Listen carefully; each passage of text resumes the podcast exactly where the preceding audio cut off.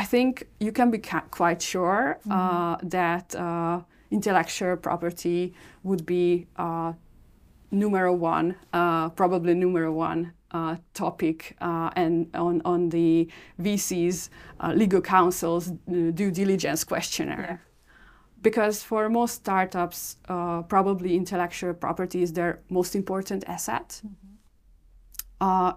it can also create a so-called moat mm-hmm. for them because intellectual property protection can help startup founders to control the destiny of their technology and also to be able to distinguish their brand, uh, their products and services uh, on the market.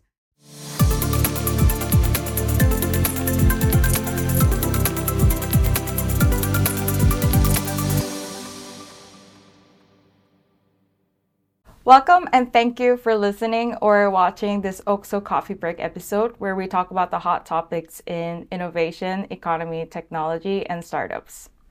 We're OXO Group, a venture capital group based in Budapest and Rotterdam, where we focus on tech startups in Europe. For today's topic, we're going to talk about the startup uh, intellectual property strategies. Intellectual property protection is a critical aspect for startups uh, looking to thrive in today's competitive landscape. According to the joint study by the European Patent Office and the EU Intellectual Property Office in 2023, on average, 29% of European startups have filed for intellectual properties, with biotech startups being the most IP intensive sector. Also, filing trademarks had 6.1 times and filing patents had 5.3 times higher chance of securing early stage VC funding for startups and two times likelihood of successful um, exit for investors into those startups. It's an important topic for many founders, but difficult to start building strategies around it. So, regarding this topic, we're happy to introduce today's guest, Petra Kovacsics, the founder of Tech Privacy Lab and a data protection and technology lawyer. Thank you and welcome, Petra. Thank you. Thank you for the introduction. I'm happy to be here. Um, I'm Petra Kovacsics. I'm a data and technology lawyer. Uh, I founded Tech Privacy Lab about two years ago in 2021. Um, and I'm specialized in intellectual property law, data protection, privacy, and cloud computing uh, matters.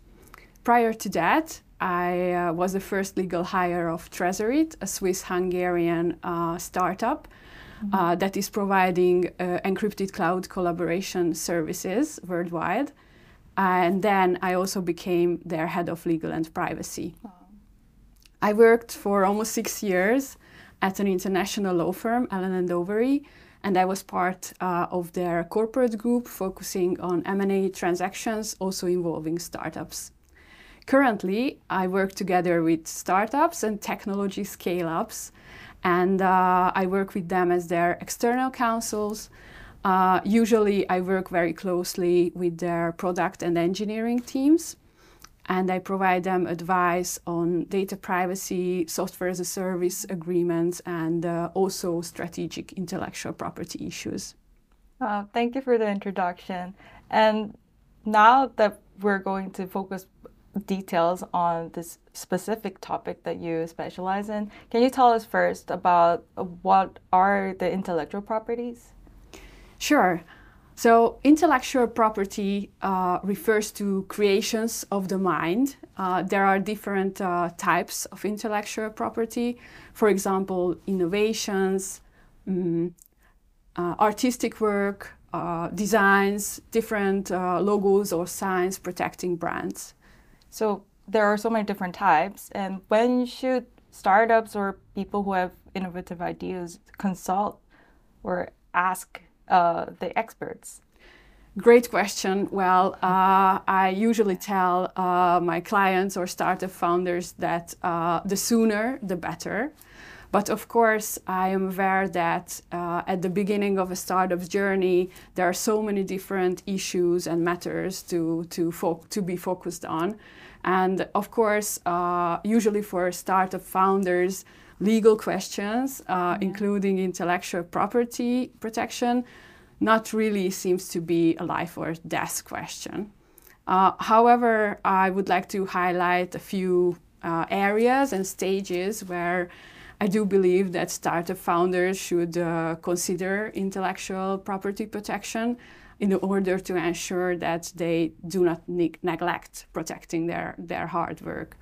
So I think the first stage when uh, uh, they should consider intellectual property protection uh, is probably the stage when uh, they come up with a new idea for a business and uh, they start to work together on, on for example, new technology. Mm-hmm.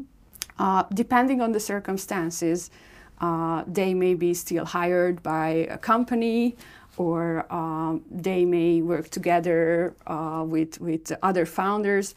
I think it is very important to think about ownership issues upfront and, and uh, to consider who will be the owner of this uh, intellectual property that is created at the very beginning of the, of the journey.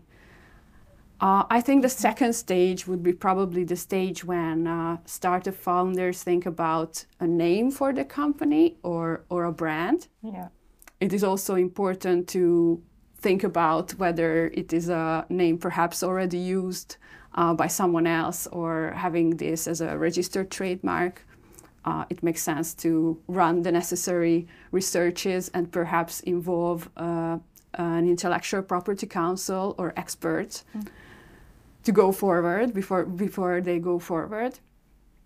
And of course, when they start a company, uh, they may hire their first employees, yes.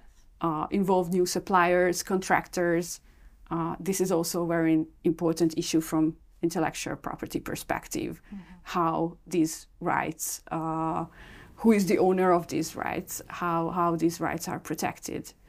And last but not least, I think, uh, unfortunately, many, many uh, startups face the issue of intellectual property at the stage when they uh, are about to get an investment Mm-hmm. Uh, because, as you mentioned, yeah. uh, for investors, this is a very hot topic, and it is also a very hot topic uh, before startup founders exit mm-hmm. their company. I see. Thank you. Um, were there any cases that you saw that these strategies were very important for those startups to attract VC funding? Yes, uh, I, I, think the study uh, that yeah. you mentioned uh, put together some very great uh, examples, and uh, this is something I also see in my day to day job and, and in my experience. So I think you can be quite sure uh, mm-hmm. that intellectual property would be numero one, probably numero one uh, topic uh, and on, on the VC's uh, legal counsel's uh, due diligence questionnaire. Yeah. Because for most startups, uh, probably intellectual property is their most important asset. Mm-hmm. it can also create a so called moat mm-hmm. for them because intellectual property protection can help startup founders to control the destiny of their technology and also to be able to distinguish their brand, uh, their products and services uh, on the market. So this can create a competitive advantage. Yes. Uh, another important aspect, I think, and this report also mentions that mm-hmm. that it can be a great sign for VC uh, investors that the company is able to scale and, and to in, be able to scale on an international basis, especially if uh, they have registered intellectual property on a global or at least uh, yeah. level or at least in different jurisdictions. Yeah, I, I agree because we're uh, as VCs we think that uh, intellectual property can be very important, so we do take a look, like you mentioned, during the due diligence process. And um, now that you mentioned about some different jurisdictions, what are some of the things the startups should know when they're thinking of going global? Because different countries have different uh, jurisdictions, different legal system. What should they keep in mind? Sure. So it is, I think, an important thing to understand that unfortunately, there is no such thing as a global IP protection. Um, there are different types and forms of intellectual property, and also the regulation may be very different from one jurisdiction to another. Uh, and at the end of the day, this means that intellectual property protection has a territorial effect. Yes. So, for example, for patents, uh, if you would like to get worldwide patent protection, I think this is a, I think it's a used uh, thing uh, in in in uh, day-to-day conversations. However, uh, in practice, this means that you need to get registered your patent in different countries One by one. one by one, exactly. Uh, although there are regional uh, protection also available. However, you need to be very strategic on that because, of course, with unlimited money and time, yeah. uh, one one could file for um, protection in each and every country. However, what we see uh, in reality, this is not the case. I see. Then what about within the EU? So for startups operating all over the EU, and uh, for example, they file within Hungary, then it's still not protected within the EU. They should file for each individual country. Uh, yes and no. So fortunately, uh, there is a regional, so-called regional protection options or alternatives uh, within the EU. Uh, we have uh, EU uh, trademark, for example. So there is an option uh, to file for a trademark that would be um, registered across the territory of the EU, including Hungary. However, if you file for a national trademark uh, with the Hungarian Intellectual Property Office, then this would uh, be effective within the territory of Hungary. Ah, I see. Thank you. And I was also curious about um, maybe trade secrets. Are there some strategies that the startups can build around trade secrets because it's quite ambiguous sometimes how to protect it? Yes, uh, I think trade secrets are important assets for for startups, and it is a so-called non-conventional type of intellectual property protection. Perhaps not the type of which startup founder, uh, founders would think about at first. In my practice, I often uh, meet with founders or entrepreneurs who get a little bit disappointed when they figure out that their technology, for some reasons, is not patentable. However, this is not the end of the world because trade secrets could be uh, just another route. And also, trade secrets can be a great preparation uh, before they can file for patent registration. Yeah. And um, I was also uh, curious. So uh, we now have some background information on um, these different types that startups can think about. Then, what are the steps that startups with tight budget can practically take as of um, when they're already at an early stage? I think it is important to have a strategy. Uh, and by strategy, I do mean that uh, entrepreneurs should really understand their market and understand what are the intellectual property that is most important for their business.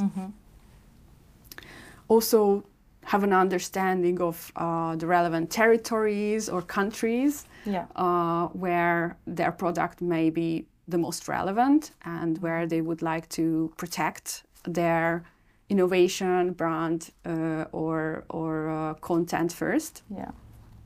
And the second tip from me, I think, uh, may sound obvious, but in practice, it is usually not so obvious because we tend to forget about how administration important is. Yeah. So I do believe it is important to keep track of intellectual property that is created within a startup and uh, to have an understanding about uh, these type of assets. Yes. have an understanding about who is the owner of, of this IP. And um, third, I would mention contracts to have contracts in order, including employee agreements, including subcontractor agreements.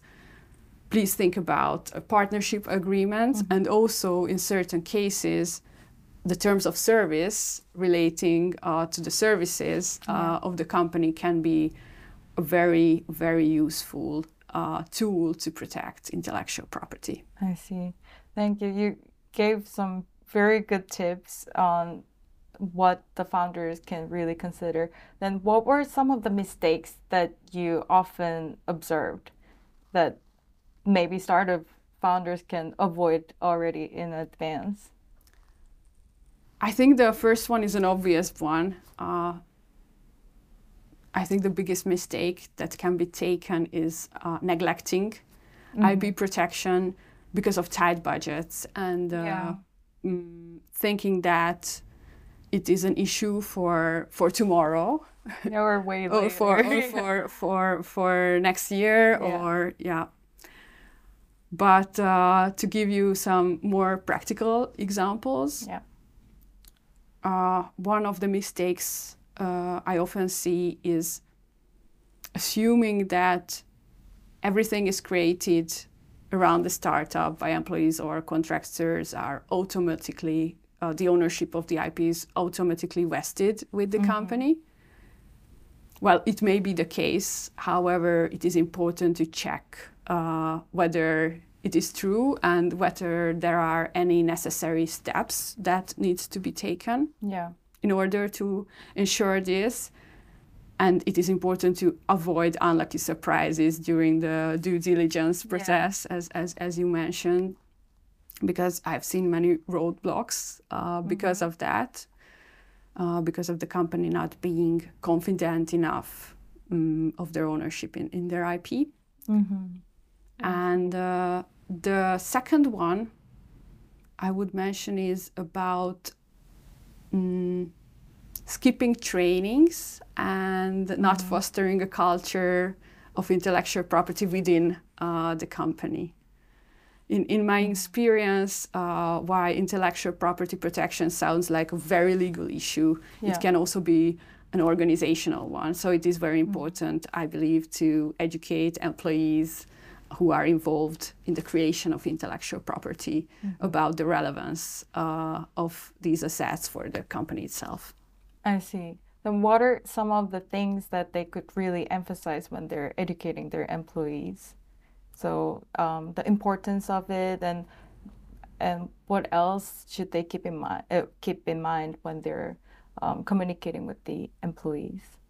Do you think? Yes, I, I think it is important to um, explain to employees the different types and forms and what are uh, the requisites Yeah. uh, for, for uh, different types of intellectual property, whether it needs to be registered, whether the protection is automatic, whether there are any small things that can be done uh, by employees, for example, uh, putting uh, copyright notice on, on marketing materials. so so I think small things can be very important in the long run and can really make the difference. I see. Thank you. Are there any other uh, other advice or services that that the startups can seek for uh, when they need some help with getting it started? So, for example, there could be um, services like what you provide, maybe, or are there, or maybe they could look for some incubators, or is there any other um, additional th- resources that the startups can look for? Probably seeking out to an intellectual property legal counsel would be an obvious uh, one. But also, I think the Hungarian Intellectual Property Office has different services to help and assist startups in their research and uh, also to find the right funding, uh, perhaps for for the initiation of a registration process, because mm, patent registration, for example, may sound like a not too budget friendly option yeah. at first sight, but it is important to remember that there could be fin- even financial assistance uh, to do that. Also, I think, and, and from what I see in the Hungarian community as well, yeah. uh, I think uh, it makes sense to discuss the strategy with other other founders and those who perhaps already have experience in mm-hmm. international uh, strategies and, and international uh, applications and registrations. So, thank you, Petra. I was wondering if you could explain or clarify a little bit more on the details of different types of intellectual properties. Sure it can change from one country to another. Yeah. So it, uh, with this caveat, I think the most important forms are patents. Mm-hmm. Patents protect innovations. From a legal perspective, we call them inventions. Mm-hmm. And uh, for an invention to be patentable, it usually needs to be new or novel. Mm-hmm. It must include an inventive step, mm-hmm. and also uh, it must be able to be applied from an industri- industrial perspective. I see. Also, mm-hmm. an important form of intellectual property is copyright protection. Mm-hmm. It pro- it protects original content. Yes. So it protects, for example, blog posts, mm-hmm. messaging, mm, design. Uh, I think those are very important areas for startups, for example, usually. Mm, the protection is automatic, so this means that copyright does not need to be, or copyrightable work does not need to be uh, registered. Mm-hmm.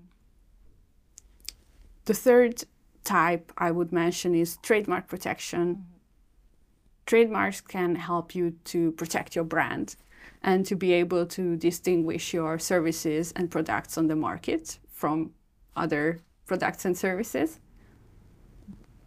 And last but not least, I would also mention trade secrets as a non conventional type of intellectual property protection. I see.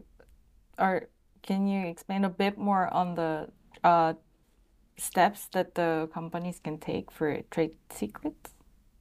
To protect trade secrets, yeah. of course. Identify, first of all, identify what type of t- trade secrets do you have, what is important for your business perhaps you can identify trade secrets that you decide to never ever share with anyone. If you think about the recipe for Coca Cola, I think probably mm-hmm. this is the best example. Oh, yeah. But for mm-hmm. those type of trade secrets, uh, you decide that you need to share with some of your business partners. Think about non disclosure agreements. Mm-hmm think about uh, drafting internal policies and also don't forget about security because it can play also an in important role in protecting uh, your trade secrets. I see. Thank you.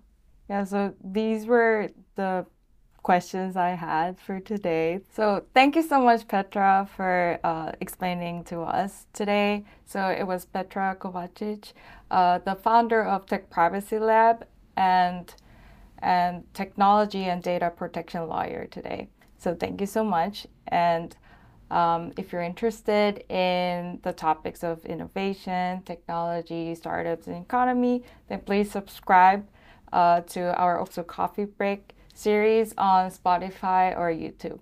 Thank you. Thank you.